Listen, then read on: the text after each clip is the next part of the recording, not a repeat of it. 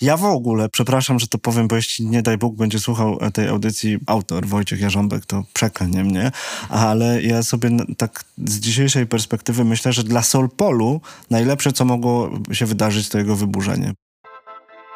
Mówić o muzyce to jak tańczyć o architekturze. Co innego mówić muzyką. Płyta Bliżej to 12 opowieści inspirowanych najróżniejszymi sprawami miłością, wojną, japońską porcelaną czy architekturą, właśnie. Podcast Bliżej te inspiracje przybliża. Może nawet odpowiada na pytanie, co artystka miała na myśli, albo jakieś inne. Nazywam się Patrycja Obara i zapraszam Cię w twórczą podróż. Spotykamy się w pierwszym odcinku podcastu Bliżej. I to jest takie dzieło hybrydowe, bo to nie jest podcast samodzielny, tylko będzie towarzyszył płycie, a to dlatego, że te 12 piosenek porusza 12 jakoś istotnych dla mnie tematów, począwszy od architektury, a skończywszy na kosmosie. Ale to w ogóle ciekawe jest, przepraszam, że ci wchodzę w słowo, że wśród tych 12 ważnych tematów znalazła się architektura. ona rzadko znajduje się wśród 12 ważnych tematów. Tak jakbyśmy zrobili badania statystyczne co dla ciebie jest w życiu ważne, to sądzę, że architektura byłaby gdzieś koło 70 miejsca, a na pewno nie w pierwszej dwunastce. I to super, tylko że to nie chodzi pewnie o całą architekturę, bo ta raczej jest jednak tłem, tylko jakiś konkretny przykład. Te, te łatwiej znajdują się w listach przebojów, zwłaszcza jak coś ich mocno dotyczy, a tu chyba dotyczy mocno. No właśnie, dla mnie architektura jest metaforą. Mm Opowiadam jakieś historie, które są historiami z naszego życia, które są historiami ważnymi. Jest pretekstem mhm. też, żeby o pewnych rzeczach pogadać. No i może to jest dobry moment, żeby powiedzieć, że moim gościem dzisiejszym, gościem pierwszego odcinka podcastu Bliżej jest Michał Duda, którego można by przedstawiać długo, ale nie będę przedstawiać długo, bo w opisie odcinka będzie można sobie przeczytać. Przedstawię krótko. Dyrektor Muzeum Architektury we Wrocławiu i mój serdeczny przyjaciel. Od 27 lat znamy się z czasów licealnych jeszcze. A dyrektor to brzmi strasznie, przepraszam, że to powiem. I dyrektor znacznie krócej, bo nie wiem, 9 miesięcy czy coś takiego. Nie 27 lat. Nie, nie, nie. nie, Cho nie. Chociaż to nie byłby rekord. E, poprzednicy moi zacni byli dyrektorami jeden 22, drugi 35, czyli te 27 to jest taka lokalna średnia, do której nie zamierzam absolutnie aspirować. Hmm, no zobaczymy, zobaczymy. No, tak właśnie. Oni też tak mówili.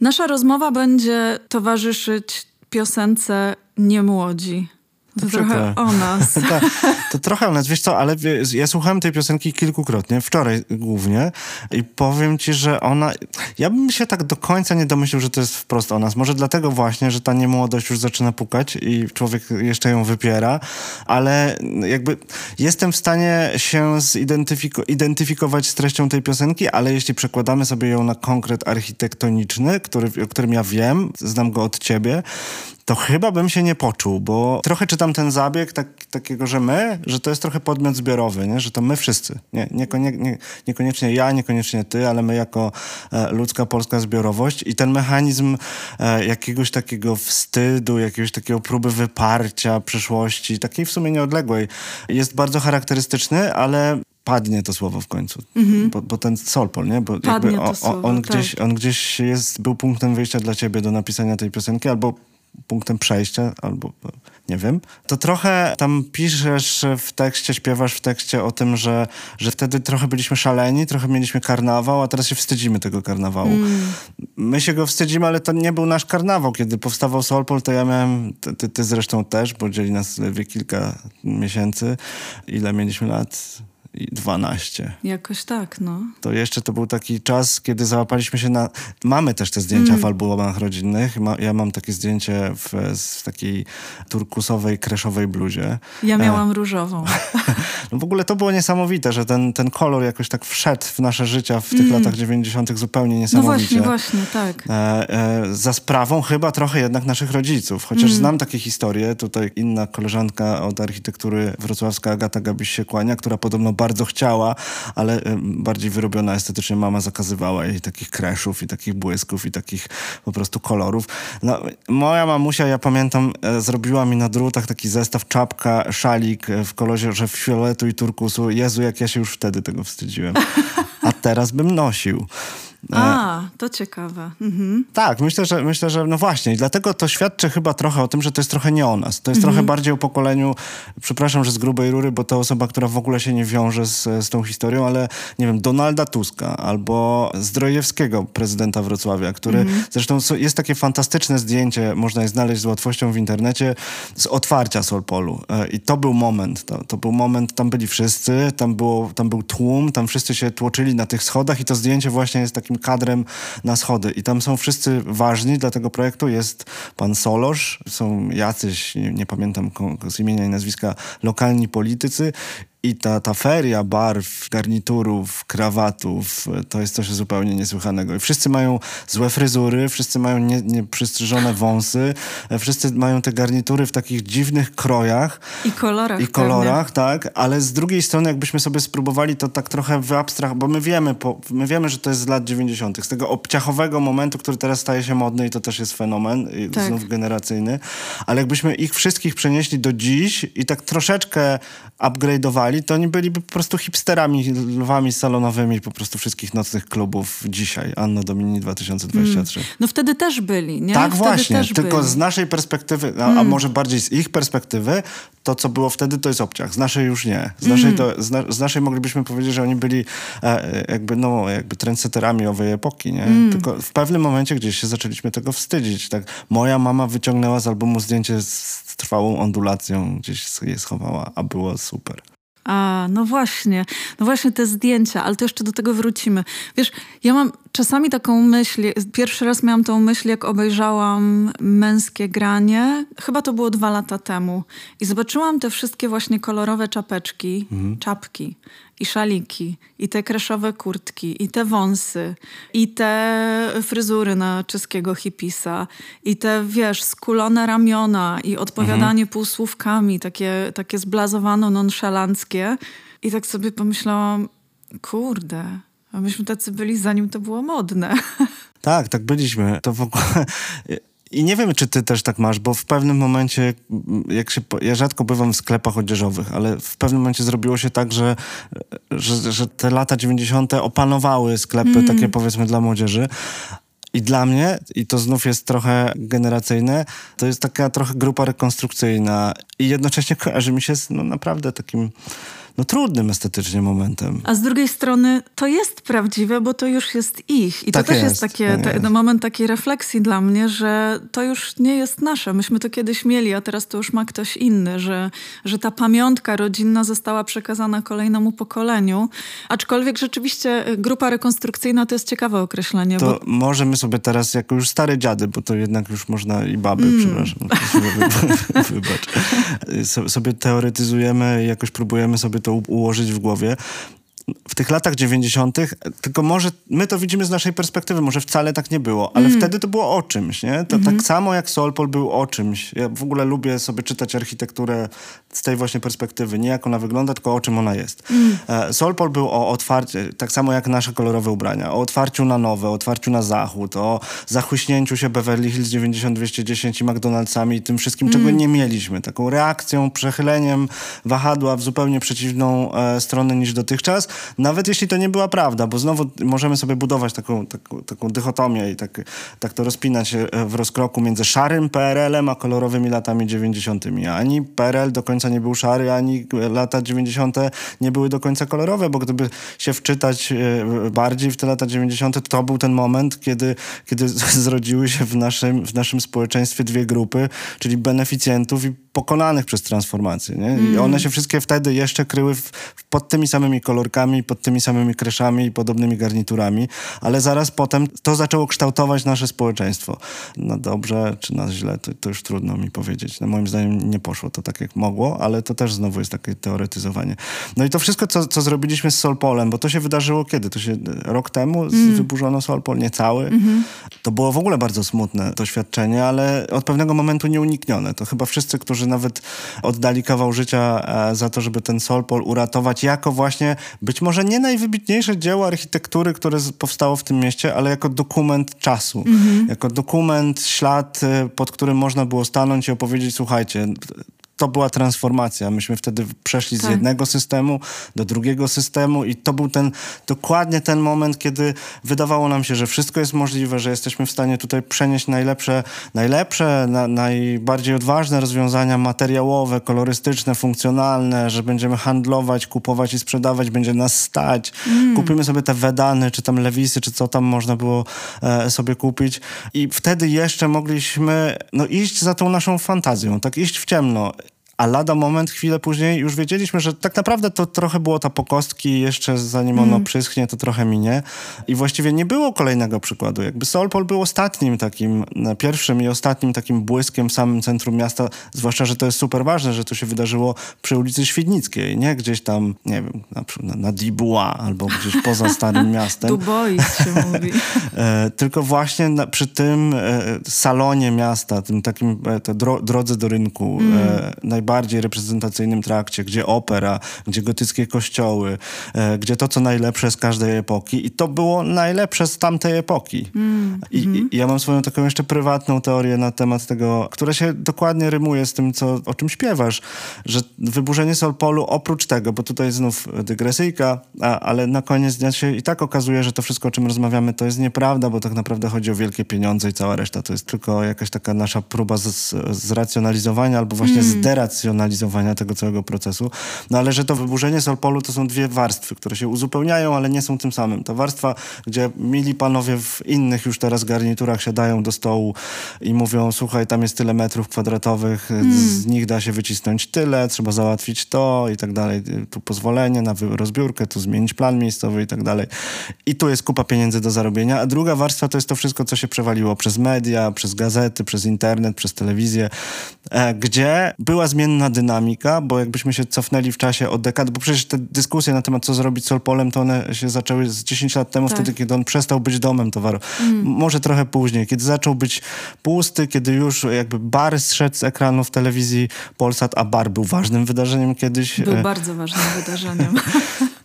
Nie wiem, czy młodzi słuchacze Wszyscy w ogóle wiedzą, co to jest. bar. To był taki reality show, w którym kariery zaczynali wie, obecni wielcy tego świata, między innymi Doda na przykład. Tak, przede wszystkim Doda. przede wszystkim Doda. I on siedział w, w barze w piwnicy Solpolu. Mm. No i on się tam mógł dziać, bo, bo Solpol i Polsat to jest generalnie jedna firma. Sol, Solosz. Ale a patrz, bo Doda się nie wstydzi tamtych czasów. Doda nawet ostatnio była na jakimś wydarzeniu w sukience, która była reinterpretowana interpretacją jej stroju z tamtych czasów, bo ona miała wtedy taką mini spódniczkę z charakterystycznym białym paskiem i ona teraz miała sukienkę, która cała się składała z tych białych pasków, więc mm. ona sobie to wzięła, ona to jakoś przetworzyła. Moim zdaniem to jest takie uznanie tej przeszłości, nie? że no dobra, może dzisiaj z dzisiejszej perspektywy to jest obciachowe, z tamtej perspektywy to było właśnie takie, tak. to było szalone, to było bezczelne, to było takie idziemy po swoje, to było jakoś tam na swój sposób zbuntowane. To był inny rodzaj buntu niż bunt lat 70., ale to był jakiś bunt przeciwko skostniałej, szarej rzeczywistości. I, i fajnie, że, że ktoś tak odważnie sobie potrafi to wziąć i zacytować i powiedzieć a ja się tego nie wstydzę. Tak, i oczywiście. I to, co jest ciekawe, i to myślę, że, że twoja analogia do buntu lat 60. jest o tyle trafna i ciekawa, że myśmy jakby na takim poziomie mainstreamowym tego buntu wtedy nie do końca przeżyli. To on mm. nas trochę ominął, on siedział na zachodzie, a tutaj ten bunt, bo to był bunt, to był bunt przeciwko blokom, przeciwko wszystkiemu takiemu samemu, przeciwko unifikacji i tak dalej, i tak dalej. On się wydarzył, on jakby mm. ktoś, ktoś za niego zapłacił też, ktoś pozwolił sobie na to szaleństwo, ktoś wdał się w dyskusję, bo przecież dyskusja o Solpolu zaczęła się jeszcze zanim on powstał.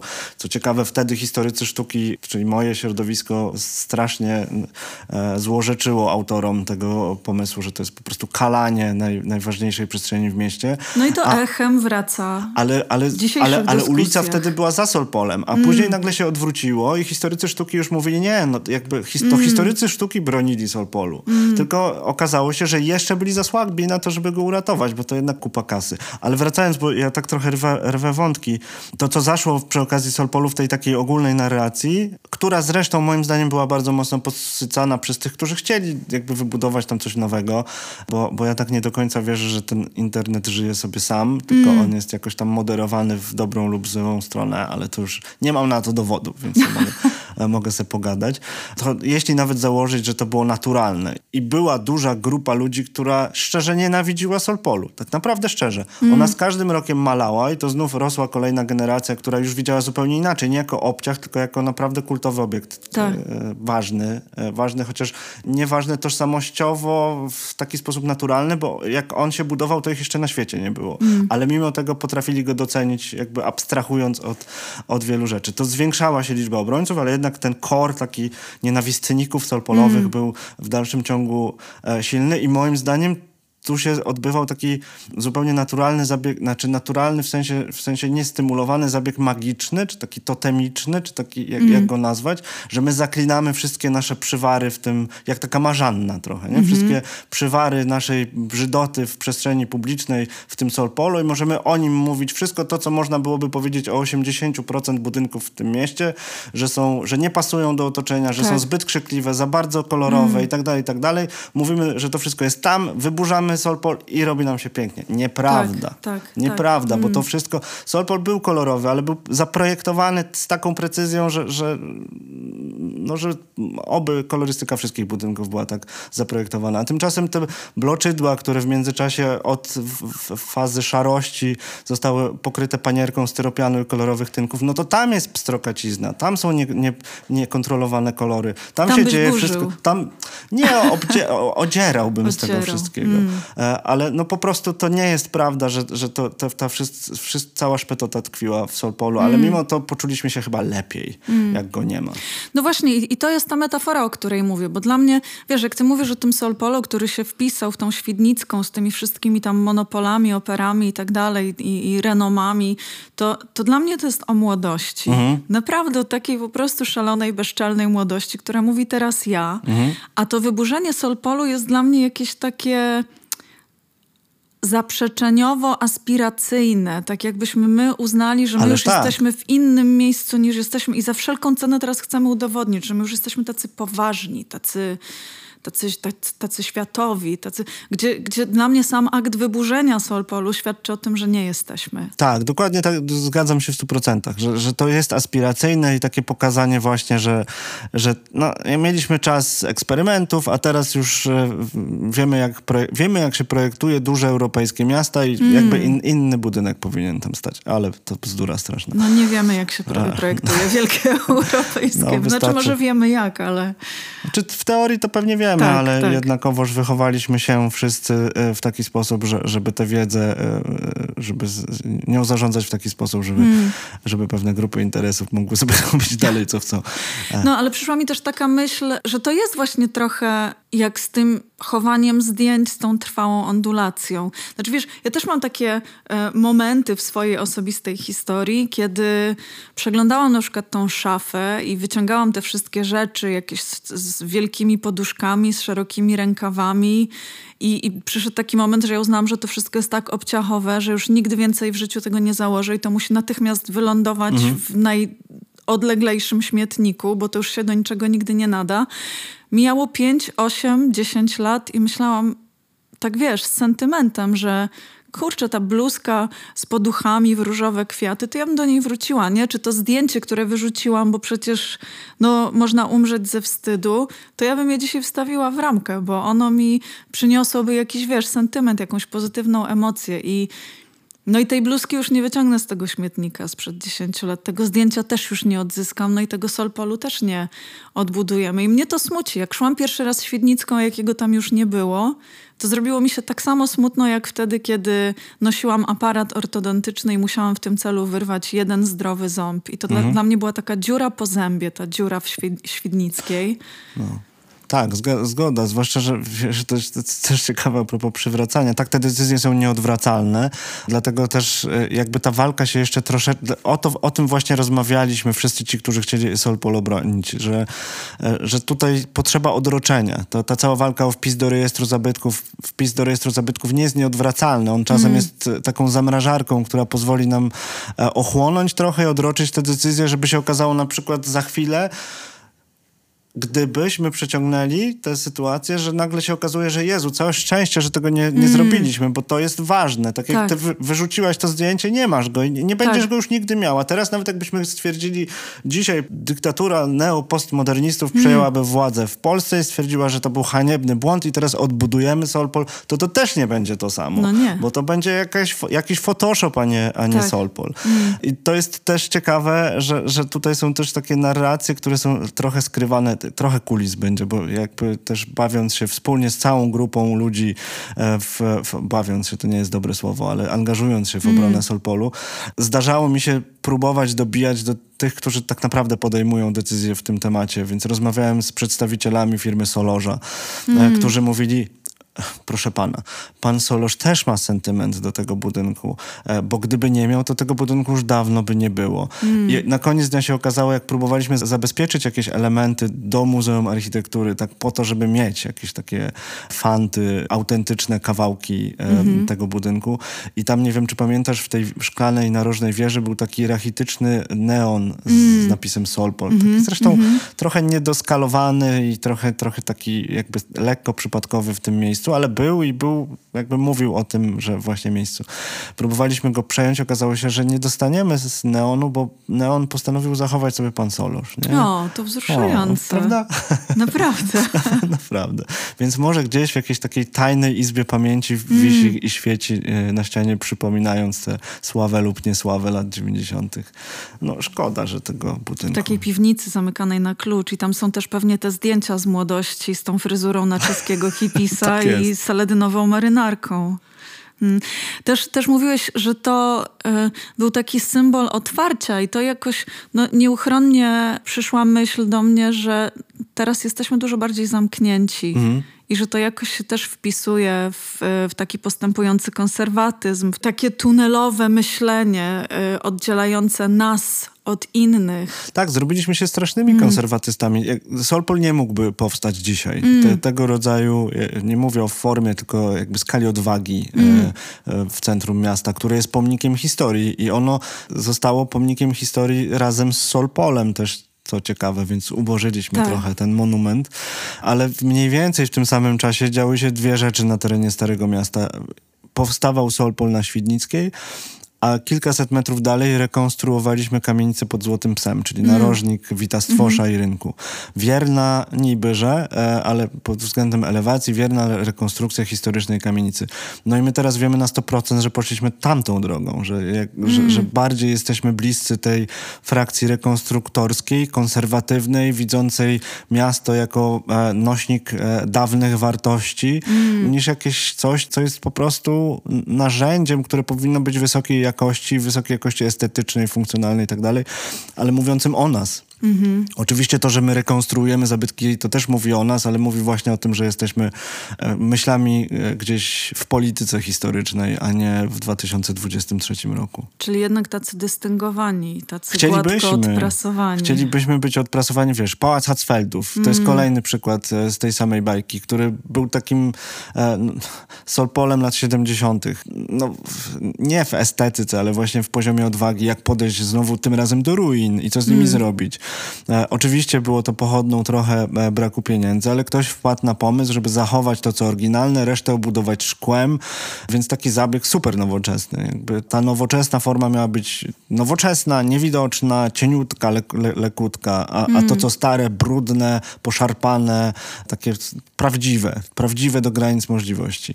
No i okazuje się, że e, w momencie, kiedy no, okazało się, że ta tymczasowa była, nie było konstrukcja, no, prze, przegrała trochę technicznie z czasem i teraz mm. trzeba podjąć podjąć decyzję, co dalej. Wybieramy rekonstrukcję Pałacu Hatzfeldów w jego mhm. formie pierwotnej sprzed 200 lat prawie, że no, no to też trochę I to je, jeszcze ja bym zrozumiał, gdybyśmy mm. rekonstruowali e, Zamek Królewski w Warszawie, bo to jest jakiś taki naprawdę ważny mm. kawałek wyprodukowanej, bo wyprodukowanej, ale naszej tożsamości. Tutaj fajnie też, że, że jakby na tyle okrzepliśmy w naszym złożonym mieszczaństwie, że te głęboko zapuszczamy korzenie w Breslau e, i chcemy rekonstruować późno-barokowy pałac, no ale czy to jest naprawdę to, o nas? Wiesz co, to ja, ja, ja, to wszystko słyszę jako w ogóle problem z tożsamością tak. i problem z integracją, że my mamy jakiś duży problem z tym, żeby zintegrować różne kawałki, które się składają na naszą historię, czyli w konsekwencji na to, kim dzisiaj jesteśmy. I że tak byśmy chcieli sobie móc wybierać, że to się zdarzyło, to się nie zdarzyło, do tego się będziemy kurczowo trzymać, ale tutaj będziemy sobie odbijać w inną stronę i omijać jakieś rzeczy, które dzisiaj przywołują rumieńce nam na policzki i że nie wiemy chyba do końca, kim jesteśmy, więc tak trudno wpisać te kawałki przeszłości w teraźniejszość, której nie da się nazwać. Zdecydowanie tak, zwłaszcza, że rzeczywistość jest też taka, że, że, że doszlusowaliśmy do takiej światowej średniej rozwarstwienia i mamy jeszcze trzy dekady temu byliśmy mniej więcej wszyscy równi, teraz już definitywnie nie jesteśmy. Jest wielka grupa tych, dla których trzeba poskładać tę tożsamość tak, żeby ona ich wzmacniała, bo ekonomicznie i faktycznie są bardzo słabi, nie? Mm. Więc i to jest bardzo fajne narzędzie, żeby sobie nim pożonglować. A im bardziej e, dojrzała, dojrzałe społeczeństwo, państwo, takie, takie stare demokracje i takie, które przeżyły swoje na przykład e, ruchy oświeceniowe i tak dalej, i tak dalej, tym mniejszy problem i tym mniej muszą usuwać w cień. Chociaż z drugiej strony ja pamiętam swoją pierwszą w,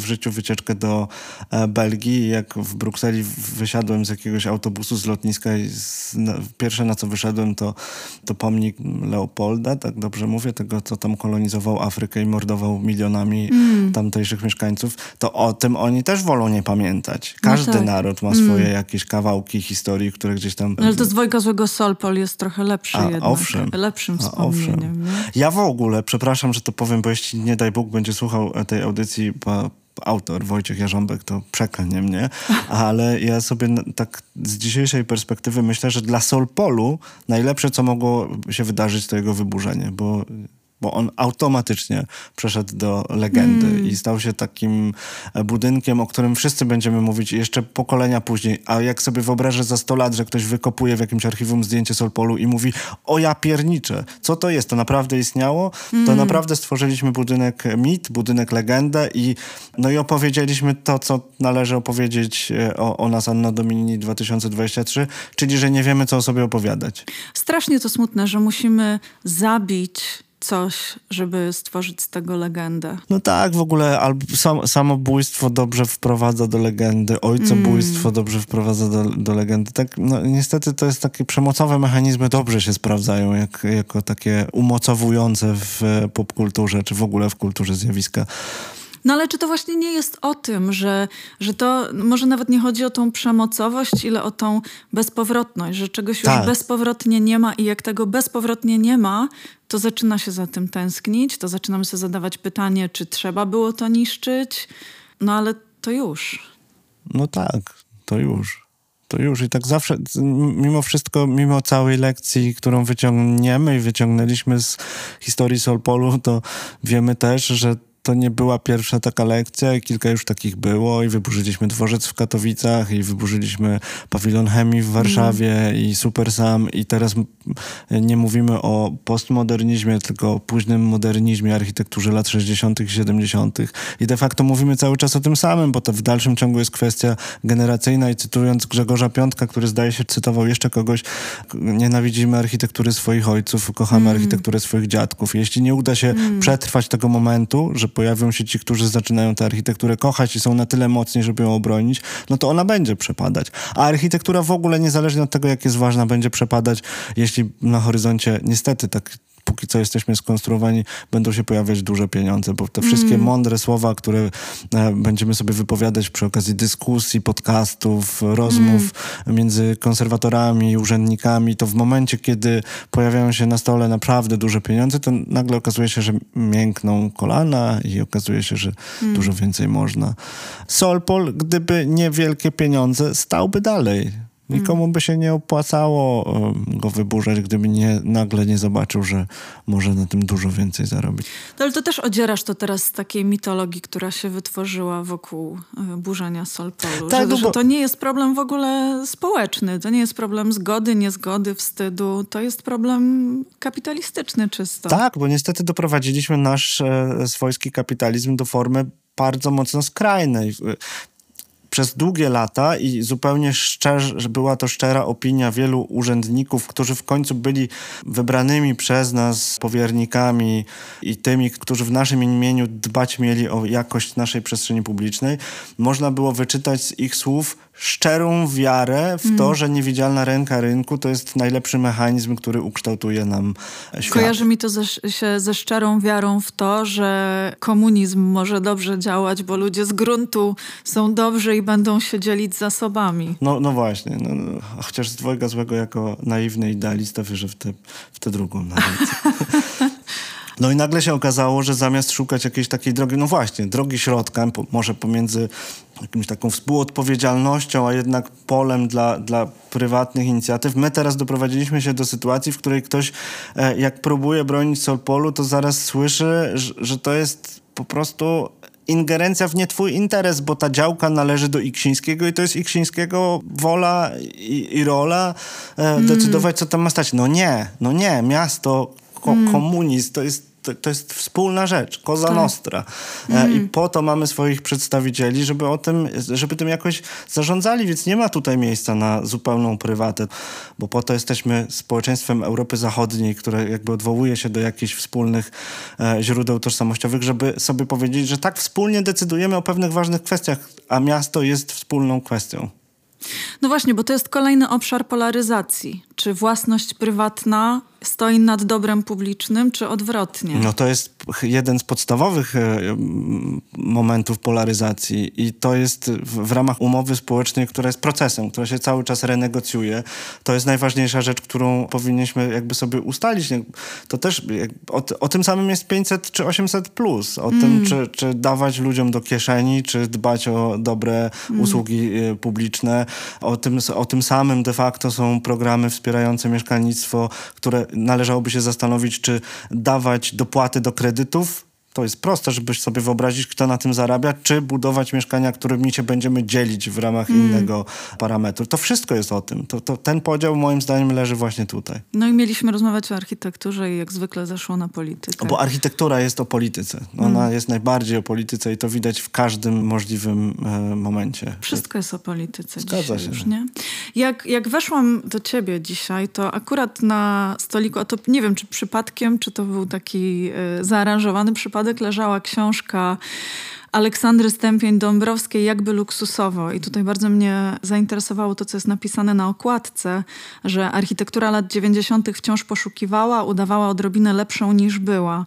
E, dom mieszkalny stawał się pałacem, biurowiec przywoływał obraz nowoczesnego transatlantyku, a współcześnie projektowana willa mogła być plenerem do ekranizacji pana Tadeusza. Tu znowu mamy tą aspiracyjność mhm. i ja ją widzę wtedy i widzę ją teraz bo już o tym rozmawialiśmy, tylko że ona się dla mnie różni tym, że ona wtedy była jakaś taka jawna, a teraz jest taka po prostu przykryta grubą warstwą pudru. Tak, no pewnie tak. A co do jeszcze, przepraszam, że co do tego, czy ona była przypadkiem, to pozdrowienia dla Aleksandry. Jej książka trafiła do takiego zbioru Coffee Table Books, które dobrze mieć na widoku.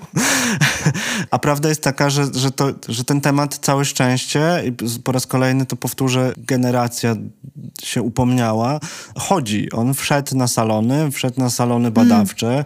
Mm. Lada moment mamy tutaj w Muzeum Architektury współorganizowane przez Narodowy Instytut Architektury i Urbanistyki Instytut Historii Sztuki seminarium poświęcone architekturze transformacji. Więc to jest tak, że już więcej Solpolów raczej nie wyburzymy. Mm. Tylko, że my już nie mamy więcej solpolów. Ja na to patrzę też z takiej kulturoznawczej perspektywy. Gerd Hofstede kiedyś opracował taki model kultur organizacyjnych, ale wyprowadzony z kultur narodowych. Tam jest sześć wymiarów tych kultur. I jeden z tych wymiarów to jest unikanie niepewności. Mhm. I takie kultury, które mają wysoki poziom tego unikania niepewności, to one, one się bardzo boją. Mhm One nie lubią wszystkiego, co nie jest uporządkowane, co nie mieści się w jakichś ramach, w jakichś kategoriach, co odbiega, co jest kolorowe, co jest błyszczące, co jest jakoś tam obce. No i ten Solpol taki był taki obcy i trochę również z tej perspektywy wydaje mi się słuszne to, co powiedziałeś wcześniej, że jego wyburzenie było tylko kwestią czasu, że to było nieuchronne i nie tylko ze względu na te wielkie pieniądze, ale też ze względu na to, że on był taką drzazgą pod paznokciem, że on był zbyt kolorowy, że on był zbyt tęczowy. No właśnie. Michał, a ty, a ty masz jakieś jeszcze zdjęcia z liceum? Wiesz co, ja w ogóle miałem bardzo mało zdjęć z liceum, nie wiem jak to się stało, ale, ale mam chyba gdzieś. Nie spaliłeś? Nie, bo ja w ogóle nie palę zdjęć, ja raczej gubię zdjęcia i to jest większy problem. Bo ja pamiętam ciebie jeszcze w takich długich lokach mhm. i One stroju... byli weszli. I w stroju w stylu moro. I tak się zastanawiam, czy takie zdjęcie z tamtych czasów byś sobie postawił na półce w ramce. Znaczy ja bym nie postawił, dlatego że jakby dla mnie to pewnie też jest do przepracowania, jakby trudne, trudnym przedsięwzięciem jest stawianie swoich zdjęć na swojej półce, ale e, z drugiej strony no to śmieszne by było, więc no, mógłbym postawić, postawić w jakichś takich okolicznościach, żeby się wspólnie z tego pośmiać. To nie mam z tym wielkiego problemu, ale z drugiej strony no nie mam... No się rumieńcem, jak, jak o e, tym opowiadam. Z drugiej strony mam tego świadomość i to może też jest jakiś rodzaj takiego e, dystansowania się, że to, to jest taki trochę inny ja. To jest mm. taki ktoś, którego już trochę nie ma, nie? Więc no ale może... musiał być, żebyś ty był dzisiaj Oczywiście. taki, jaki jesteś. Oczywiście. I tu, gdzie jesteś.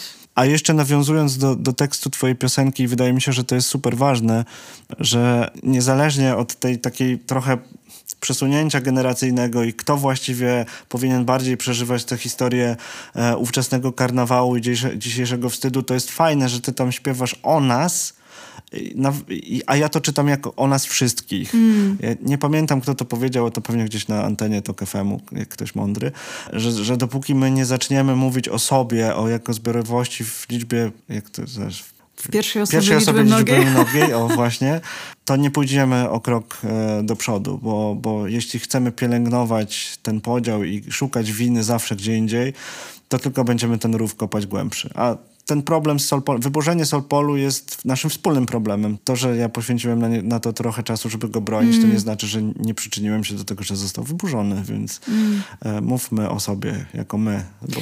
A co ty byś powiedział tym osobom, bo tam mówiłeś, że są takie osoby, które Solpolu nienawidziły i to na pewno, ale co ty byś powiedział osobom, które się go wstydziły? Nie wiem.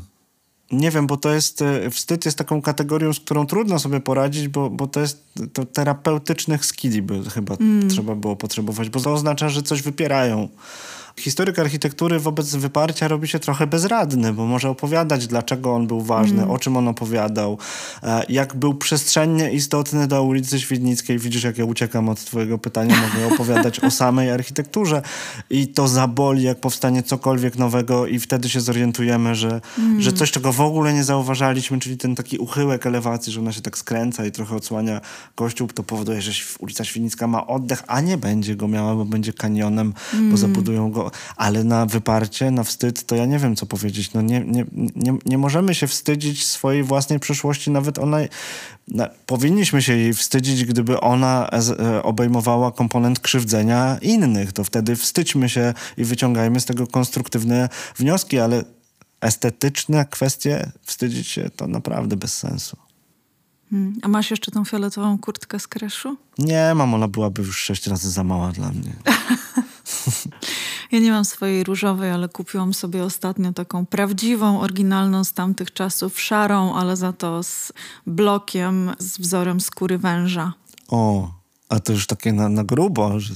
No to już taka wyjściowa, nie? No. To już nie taka na co dzień, to już Kościołowa. taka... Wie... Kościołowa. taka na komunię. Michał, bardzo Ci dziękuję za tą rozmowę, za Twoje spojrzenie. Dużo wątków do przemyślenia, dużo kwestii, myślę, otwartych, o których można by jeszcze rozmawiać i rozmawiać i rozmawiać i nigdy ich nie zamknąć. Tak też myślę. Trochę, trochę poniósł nas może taki chaos, ale to chyba dobrze opowiada właśnie. Ten chaos opowiada naszą historię, więc tego się trzymajmy. Ten chaos opowiada też historię tego wstydu. Dzięki i dziękujemy Wam, e, że byliście z nami, że wysłuchaliście tego odcinka. Jeśli znajdujecie w nim coś dla siebie, obiecuję, będą kolejne. Zasubskrybujcie podcast bliżej, puśćcie dobre słowo, niech ktoś inny też skorzysta. Dzielmy się i mówmy o sobie w pierwszej osobie, osobie liczby, liczby mnogiej. Dzięki, Michał. Dzięki.